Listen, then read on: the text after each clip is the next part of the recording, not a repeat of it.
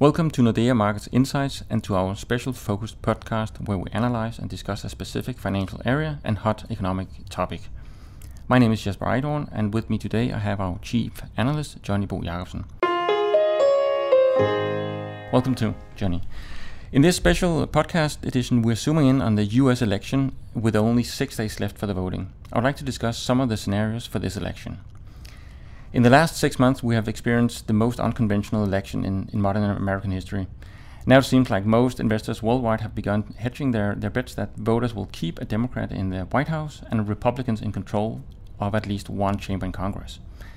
You have previously said that the most likely scenario, or perhaps the most desired result, is that Clinton will win the election. Is this scenario still the most likely? I can say that uh, it's still our baseline scenario that uh, Clinton will win the election, but uh, the, the, race is uh, definitely tightening. Uh, we have seen a significant change in, in uh, the polling data recently. over the past two weeks, Clinton's lead in, in, in the polls has come down from around 7 percentage points to now just 2%. Various prediction models suggest that Trump has close to 30% chance of winning the White House uh, compared to uh, around 10% uh, just uh, two weeks ago. So things have certainly changed recently.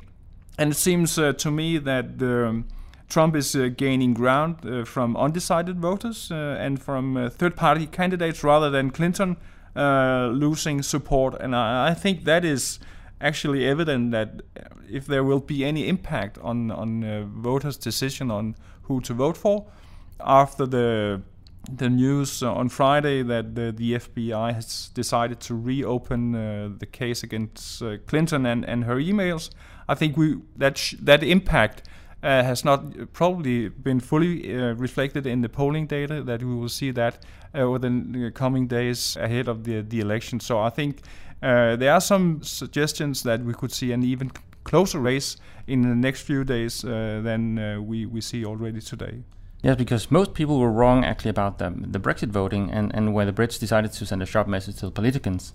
Um, I've seen reports that there might be a big hidden group of frustrated voters, as, as, as you mentioned, who are tired of the current political situation and are looking for a disruptor to shake up the political scene here.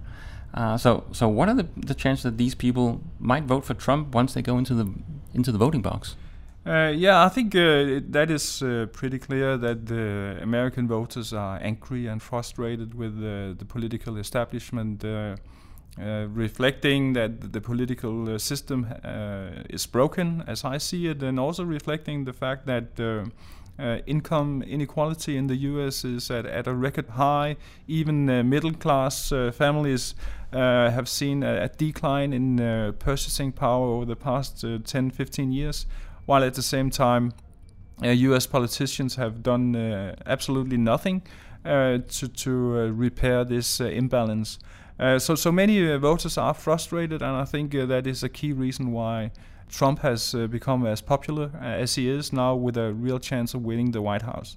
And I think there is uh, probably also a bias in the polling numbers, which actually also could suggest that Trump's chance of winning the White House is even uh, higher than uh, suggested by recent uh, polling data. I think there is some um, tendency for, for vo- voters to be unwilling to, to publicly declare um, their voting for, for Trump, even though they, they privately support him. Uh, that is a so-called social desirability bias in, in polling, which could suggest that uh, there is an uh, even bigger chance of Trump winning the White House when voters go to, to the polling stations uh, on, on Tuesday next week. So, so in terms of the financial market, are they are they ready for, for both of these scenarios, or are, are the markets betting on, on basically just the Clinton uh, winning uh, winning the, this election, or, or are we prepared for a turnaround with with Trump? Uh, markets have uh, over the past many weeks been uh, fairly calm in terms of this risk related to the U.S. election.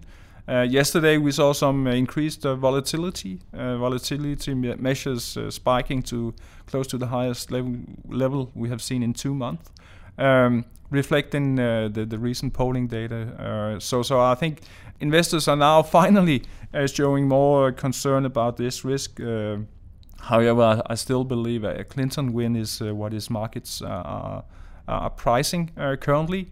in other words, if we'll see a Trump win of the White House next week, uh, we would likely see uh, significant market reactions increase. One thing is uh, one thing is the, the, the presidency, but what about the House of Representatives and the and the Senate? Um, currently, the Republicans has 20 more uh, seats in the House. Uh, they have 20, 247 versus 188.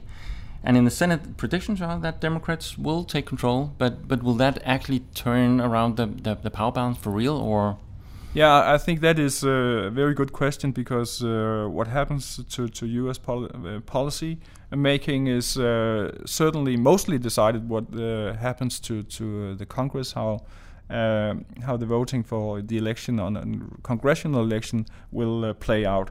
Um, what you have seen over the past many years, especially since the, the 2010 midterm election, is a divided government uh, and I think that is the, still the most likely scenario uh, after next week's uh, elections that we will see. That is still my base case: Clinton in the White House, and Republicans controlling at least one of the two chambers in Congress. It, it is very likely that Republicans will maintain a majority in the House of Representatives, and that means that it will be uh, almost impossible for, for Clinton uh, to get her uh, economic plan, uh, other ideas passed through Congress because the Republicans will block most of her ideas. So what about if uh, if scenario is that, that Trump actually wins it? Uh, there is still a lot of uh, resistance against him in his own in his own party. So even though they, they, they win the House of Representatives, will that give him more power? Because we might see people voting against him even though they're in the same party. Yeah, uh, with the in a scenario where where Trump uh, wins the White House, uh, we'll pro- probably see uh, Republicans uh, holding a majority in uh, in both chambers of Congress in the in the House and, and in the Senate. But because of the fact that the Trump is directly against the ideas of the, the, Republican establishment, the, the, Republican leaders in Congress, Uh, in in many aspects, uh, he will be almost it will be almost impossible for him to to to get his uh, ideas through Congress uh, into le- legislation, uh, and also. Uh, add to this the, the fact that even in case Republicans win the, the, majority in in Senate, they will have very very likely they will have less than 60 seats, uh, meaning that the, the, Democratic minority will still be able to block legislation in, in the Senate uh, with a so-called filibuster, uh, the, a tool used to, to block, very often uh, used over the past few years. So um, another power seat in, uh, in, in this whole this whole game is uh, is uh, is the Fed. Um, Clinton is, is definitely going to probably stick to uh, to having Yellen on, on that post, while Trump has actually mentioned that he wants uh, a new new leadership in uh, in Fed, and that might also change how Fed is actually governed. Yeah, yeah, that is a very good question as well. Trump in the in the White House will mean uncertainty in many respects his uh, his uh, regarding trade policies, uh, his economic policy more generally, but also in terms of monetary policy, as you you, hinted we will with Trump in the White House. We will. Uh, it, it is unlikely that uh, he will extend uh, Janet uh, Fed Chair Yellen's term as um, Fed Chair when her current term expires in early 2018.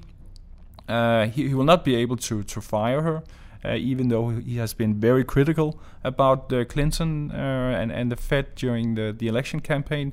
But the likely scenario is that in case Trump wins the White House, that Phil Yellen will actually decide on her own to, to leave the Fed. So, so uh, a lot of uncertainty also in that respect if Trump wins the White House. Thank you, Johnny. We are in for some very interesting days until uh, November 8th, and we know and we know the final result of the voting. We will be doing a follow up podcast shortly after we know the result, where we will discuss the result of the election. If you would like more information and updates on the global market situation, you can visit us at emarketsnordea.com, where you can find the research from Johnny and all our analysts. You can also meet us at linkedin.com and follow our analyst on Twitter. Remember, you can subscribe to our podcast and you will get them as soon as they are released. Thank you and have a nice day.